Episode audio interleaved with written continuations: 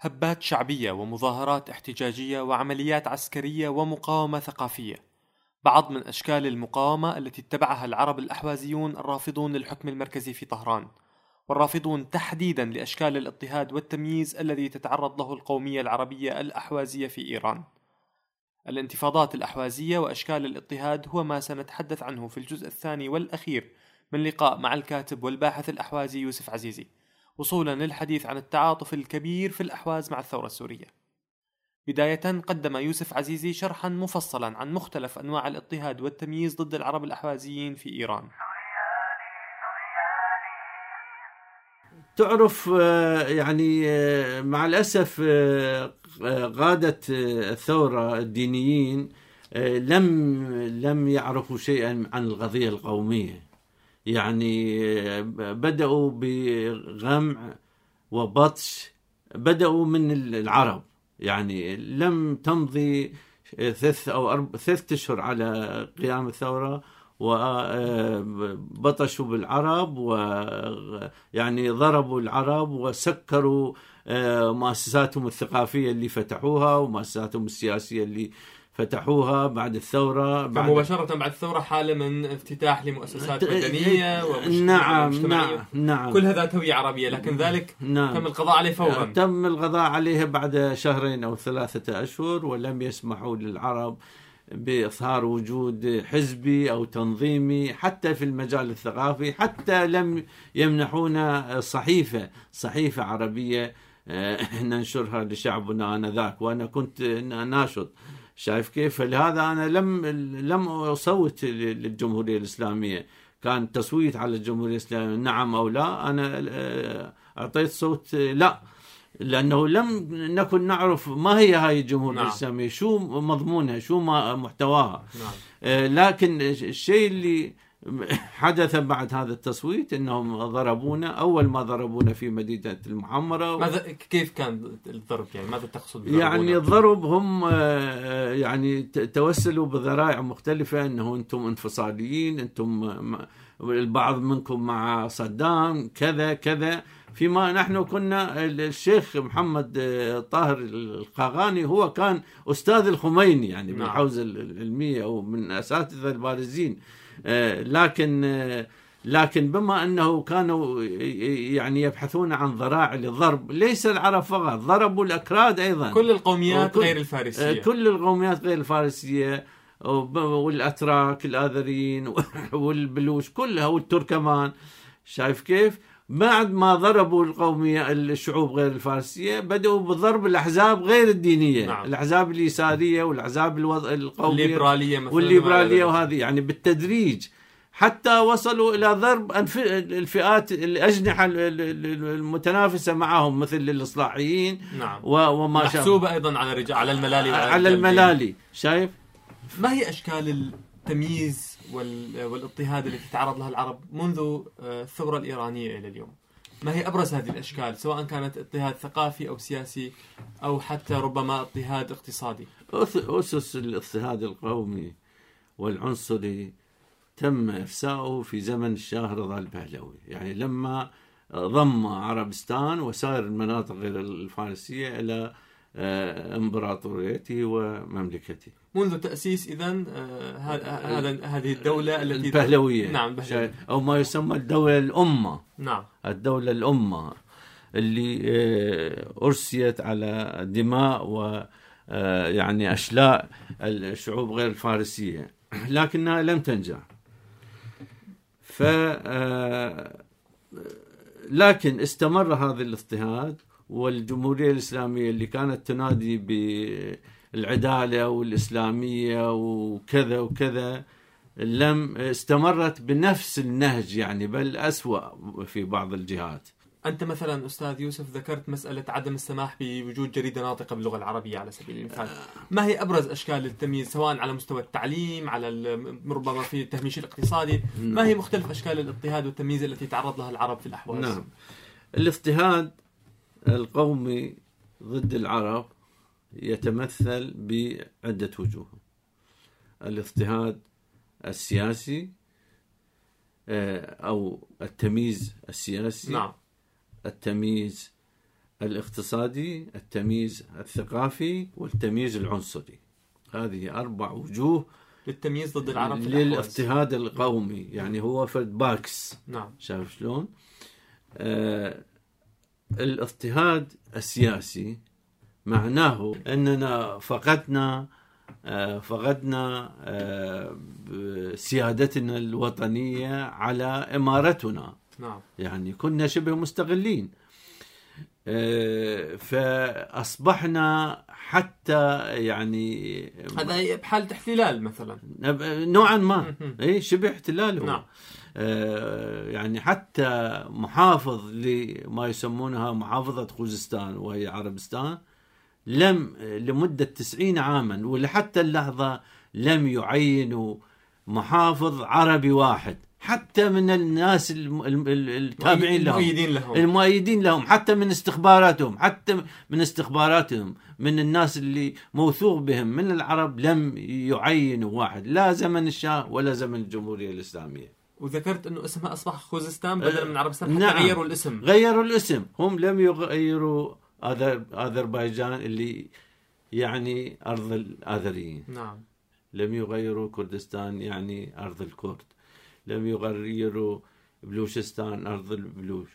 لم يغيروا تركمان صحراء أرض التركمان لم يغيروا شار محال وبختياري أرض البختيارية لم- فقط عربستان لم يغيروا. لورستان اللي هي أرض اللور. فقط عربستان لأنه ترمز إلى وجود العرب هناك. وكان هدفهم القضاء على العرب بشكل آه، إما آه، بأساليب ناعمة وأما بأساليب عنيفة وجربوها علينا كلها خلال هذه الأعوام التسعين فالاضطهاد السياسي قلت لك هذا كمثال له. الاحتلال نعم. الآن يعني نحن نشكل أكثر من 70% يعني كعرب من آه، محافظة خوزستان نعم. نعم. عربستان على وعلى ذلك نحن في في جنوب آه، محافظة الشمال لنا عيلام وفي ال- ال- الموانئ ال- ال- الشرقية للخليج أو جنوب إيران وال- والجزر نشكل أغلبية في هذه المناطق. نعم. آه، شايف كيف؟ لكن آه، المناصب في الدولة المناصب العليا مثل مدير عام أو أو حاكم مدينة أو كذا وهذه لنا فقط 5% رغم أنكم أغلبية سكانية في المناطق. أغلبية سكانية في هذه المناطق لكن 5% و95% لغير العرب واللي يشكلون أقلية في هذه المحافظات ماذا عن أشكال الاضطهاد الاقتصادي مثلا؟ الاضطهاد الاقتصادي هناك يعني هناك آه، في الواقع فقر مدقع بين العرب. هذا ما ترى. هناك الأقلية الفارسية آه، متمولة متنعمة يعني بين كالدول اللي كانت استعمارية مثلا أقلية فرنسية وأغلبية عربية في الجزائر أو في تونس. هنا أيضا يعني تشاهدها بأم عينك إذا تعمقت في المجتمع الهوازي.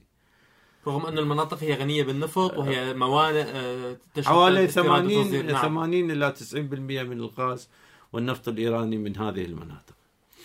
آه، هناك إدمان متعمد ترويج للإدمان متعمد في المناطق العربية.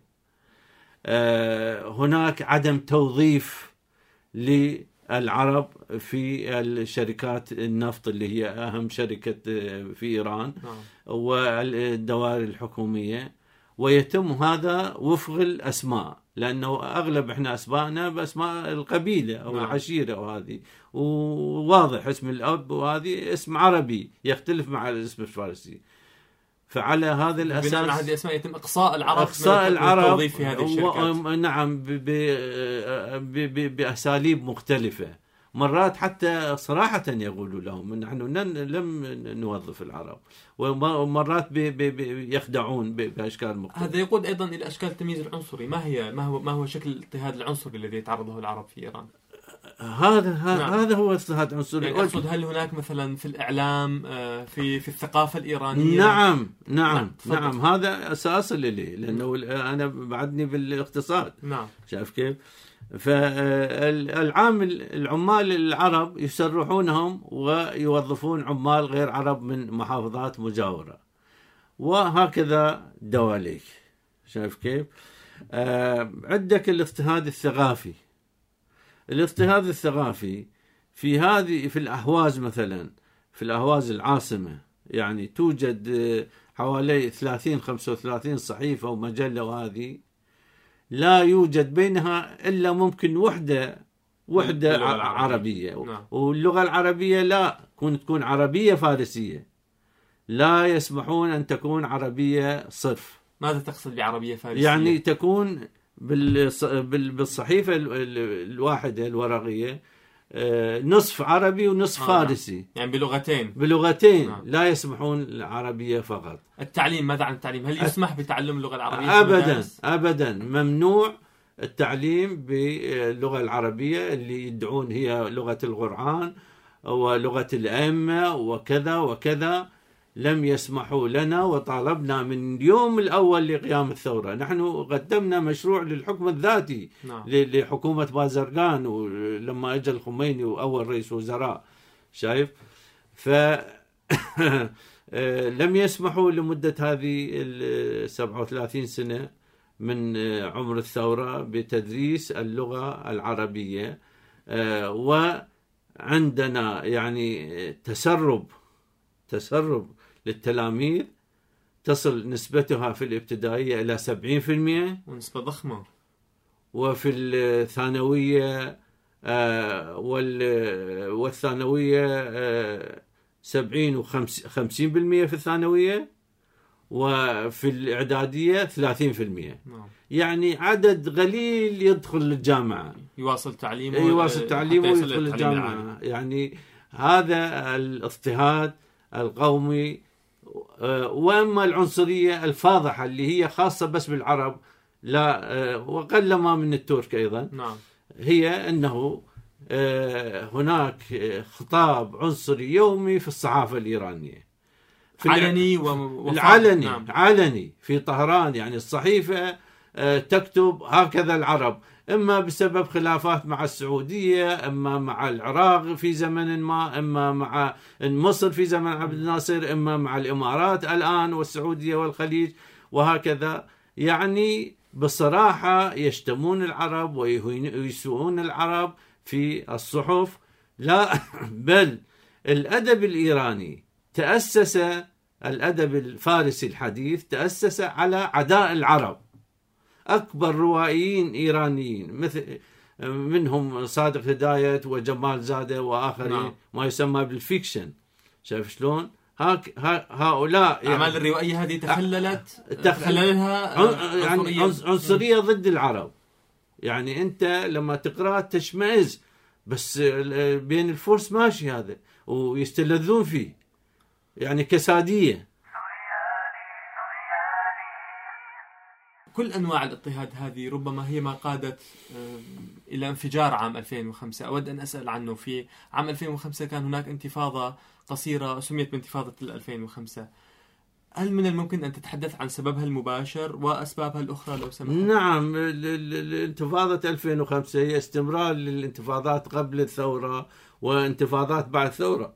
في 1085 1985 أيضا كانت عندنا مظاهرات ضد آه، الاستبداد الخميني شايف شلون؟ لما آه، وصفتنا صحيفة يسمونها صحيفة اطلاعات في طهران بأننا غجر وليس عرب. فطلعت الناس إلى الشوارع وظهرت في 85 لم يطلع انذاك في أي بقعة من إيران اي أي شخص مظاهرة، لأنه نعم. كان استبداد حديدي وخاصة أنه هناك حرب مع العراق آه، حرب نعم. وكذا وهاي لكن طلعت الجماهير في 2005 هل لسبب مشابه أم لسبب آخر؟ في 2005 تسربت رسالة منسوبة إلى رئيس مكتب آه، خاتمي آنذاك مدير مكتبه آه، آه، أبطحي محمد علي ما أبطحي. ما ما, ما هو محتوى هذه محتوى الرسالة؟ الرسالة تقول أنه خلال عشر سنوات يجب آه، تغيير النسبة السكانية في خوزستان أو عربستان كي يصبح العرب أقلية. يعني تتم هجرة متعمدة من من الفرس وغير العرب إلى الإقليم وتهجير العرب بأشكال ناعمة. نعم. وهذه الرسالة يعني هي من آه، آه، مكتب مكتب خاتمي. نعم مكتب رئيس إيران آه، رئيس جمهور إيران إلى عدة وزارات منها وزارة الاستخبارات وزارة الداخلية إلى آخره. فلما تسربت هذه ال- الرسالة. الرسالة ف يعني يعني غضبت الجماهير. فغضبت الجماهير وطلعت إلى الشوارع. كان يوم جمعة. نعم. يوم جمعة آه، 15 نيسان 2005 أنا كنت في طهران. كنا في طهران. إحنا كنا في مؤسسة مدنية تسمى بيت العرب في طهران يعني للجالية العربية في طهران الأهوازية. ف... فت- فتظاهر يعني ال- الشعب في الأهواز؟ نعم في عدة آه، يعني حارات وأحياء. يعني تظاهر الناس بشكل بشكل اللي هزوا يعني النظام وتوسعت ال- ال- الانتفاضة إلى مدن أخرى. تم قمعها بعنف؟ كيف تم كيف كيف انتهت هذه نعم تم ب- بعنف وهم يقولون أنه آه، يعني آه، قتل في هذه المظاهرات تسعة أشخاص. أنا هذا المحقق اللي كان يحقق معي بالسجن في أيامها لأنه نعم. أنا اعتقلوني بسبب هذا تمام. الانتفاضة. آه، قال لي أنه آه، تسعة آه، قتلوا. لكن أنا كانت عندي أخبار أنه خمسين شخص على الأقل قتلوا بسبب خمسة أضعاف الرواية الرسمية خمسة تقريباً. أضعافها. بل في آه، إحصاءات أو أخبار أكثر. المهم آه، أنا آه، قلت له هكذا الرقم خمسين. آه، المهم آه، أنه هذه الناس كانت تنوي آه، السير إلى آه، المحافظة مركز المحافظة نعم. مبنى المحافظة للاحتجاج أو السؤال لماذا هناك تغي- نية نية لتغيير التغيير السكانية إحنا شو شو عاملين؟ يعني هذا الحرب دمرنا وانقتلنا وبيوتنا ومؤسساتنا وكل شيءنا راح والآن تريدون أن تغيرون. هذا كان فقط سؤال. فلكن قبل أن يتحركوا كثيرا آه، يعني واجهوهم بالحديد والنار وقتلوا العشرات من العرب الأهوازيين. فهكذا عرفت بانتفاضة انتفاضة عام 2005 2005 هذا يقود إلى سؤال أستاذ يوسف رغم أن هناك دائما ذكرت أنت مثال عام 1985 2005 دائما هناك احتجاجات وحالة يعني رفض وغضب. وحالة رفض وغضب ضد النظام المركزي في طهران. نعم. لماذا اليوم القضية الأحوازية شبه غائبة عن المشهد الدولي والإقليمي رغم أن هناك جهات إقليمية ودولية لها عداء مع إيران؟ لماذا لا يتم فعلا التواصل مع هذه الجهات. لماذا لا؟ هذه الجهات لا تحاول تسليط الضوء على القضية الأحوازية. يعني القضية الأهوازية آه، بعد خروج آه، العديد من النشطاء إلى الخارج آه، قسرا أو اختيارا وهذه بدأت تفتح مكانها في الإعلام العربي لكن بشكل خجول. آه، وأيضا أخذت آه، تطرح في بعض المؤسسات الدولية مثل آه، مجلس حقوق الإنسان في جنيف نعم. أو مؤسسات حقوق الإنسان المختلفة ال- ال- البرلمانات الأوروبية وكذا وهذه. يعني شفنا وسمعنا مواقف يعني خلال هذه السنوات السنوات الأخيرة. الأخيرة يعني هاي بعد الانتفاضة. أفضل من السابق.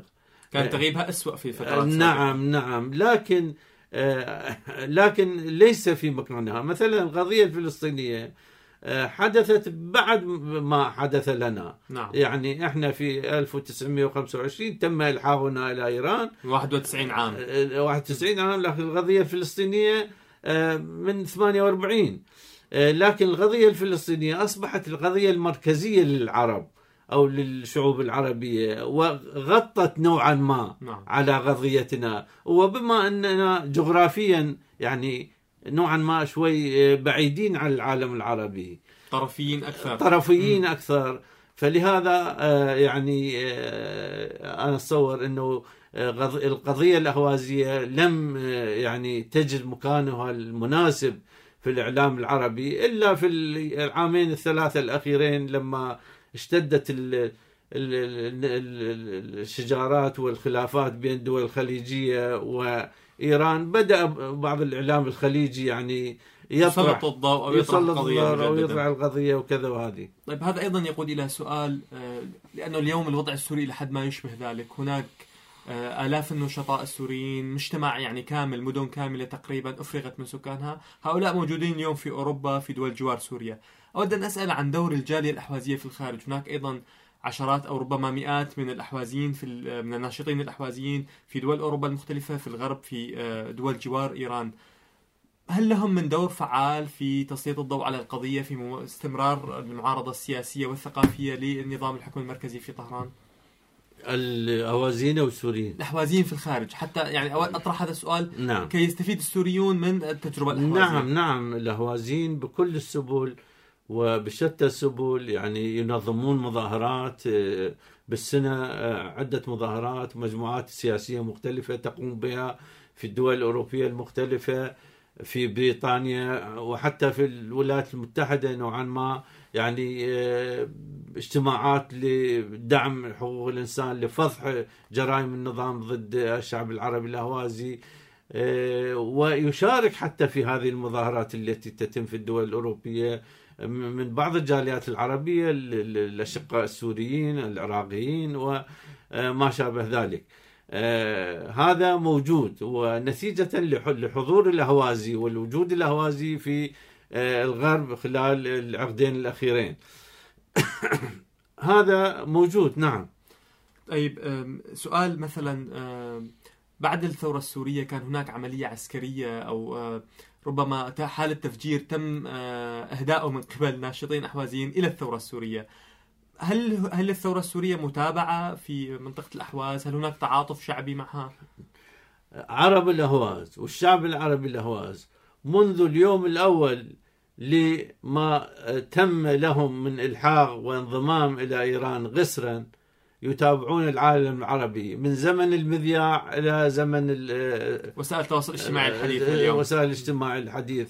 إحنا كان ينبض قلبنا مع فلسطين مع عبد الناصر مع عبد الكريم قاسم مع يوسف زعين مع آه، يعني الزعماء العرب اللي كانوا يتعاطفون منها يوسف زعين كان كان رئيس وزراء سوريا رئيس وزراء وطرح القضية الأهوازية في 65 قبل نعم. أن يجي آه، نظام الأسدي شايف شلون؟ فلهذا حتى هذا النظام أيضا كانت في هذا الزمن حافظ الأسد كانت تدرس مادة عربستان في نعم. كتبكم لكن ابنه هذا آه، حذفها نتيجة لضغوط إيران أو الرشوة اللي يعطوه شايف كيف؟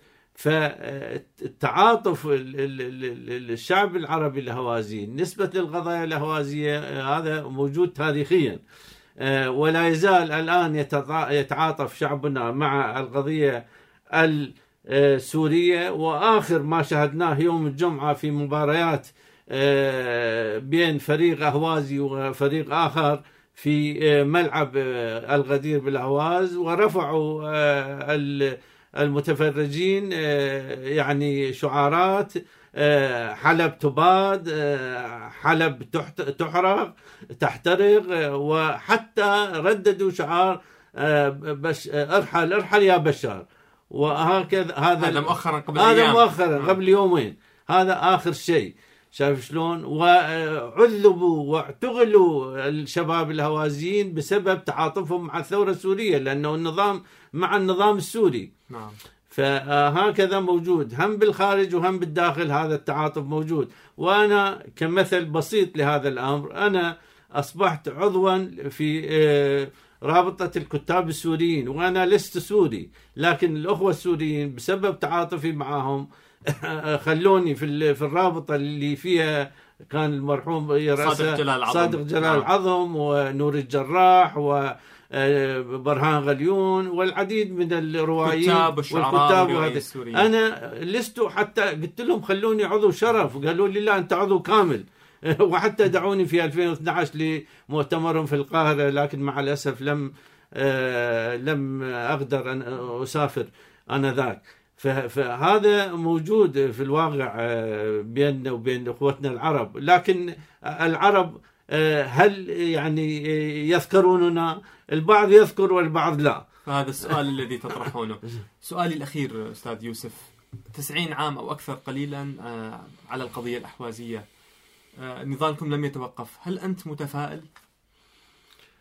أنا متفائل لا شك متفائل. آه، يعني حتى في زمن الشاه لما كان اليأس والإحباط آه، سائل نعم. إيه، نحن كنا متفائلين بإسقاط نظام الشاه إما هذا النظام هذا النظام يعني آه، متفائل بشروط أنا أن أن تكون هناك تحالف بين الشعوب غير الفارسية بالدرجة الأولى. يعني الشعوب المضطهدة مثل الأتراك الاذريين الأكراد التركمان الاذريين البلوش نعم، والعرب. نعم. نعم مع القوى التقدمية الفارسية. نعم. يعني هاي كلها القوى لأنه تدري نظام نظام يعني مستبد شوفيني آه، توسعي. لا يمكن آه، التغيير في في رأس قمة النظام إلا التكاتف والتحالف بين هذه القوى كلها لأنه النظام الشاه كلها تكاتفت كل الأحزاب حتى استطاعت أن, أن تسقط نظام الشاه فهذا النظام أيضا من أجل تغيير تغييره شايف شلون؟ والوصول إلى الديمقراطية وال يعني حكم ديمقراطي حر فدرالي لكل الشعوب غير الفارسية. لابد من هذا التحالف والتكاتف بين هذه القوى التي وصفتها لك. مع تفاؤل الكاتب والباحث الأحوازي يوسف عزيزي نصل إلى نهاية الجزء الثاني والأخير من تغطيتنا الخاصة عن القضية الأحوازية عن تطورها التاريخي وصولا إلى أوضاعها الحالية. كنت فيها معكم أنا ملاذ الزعب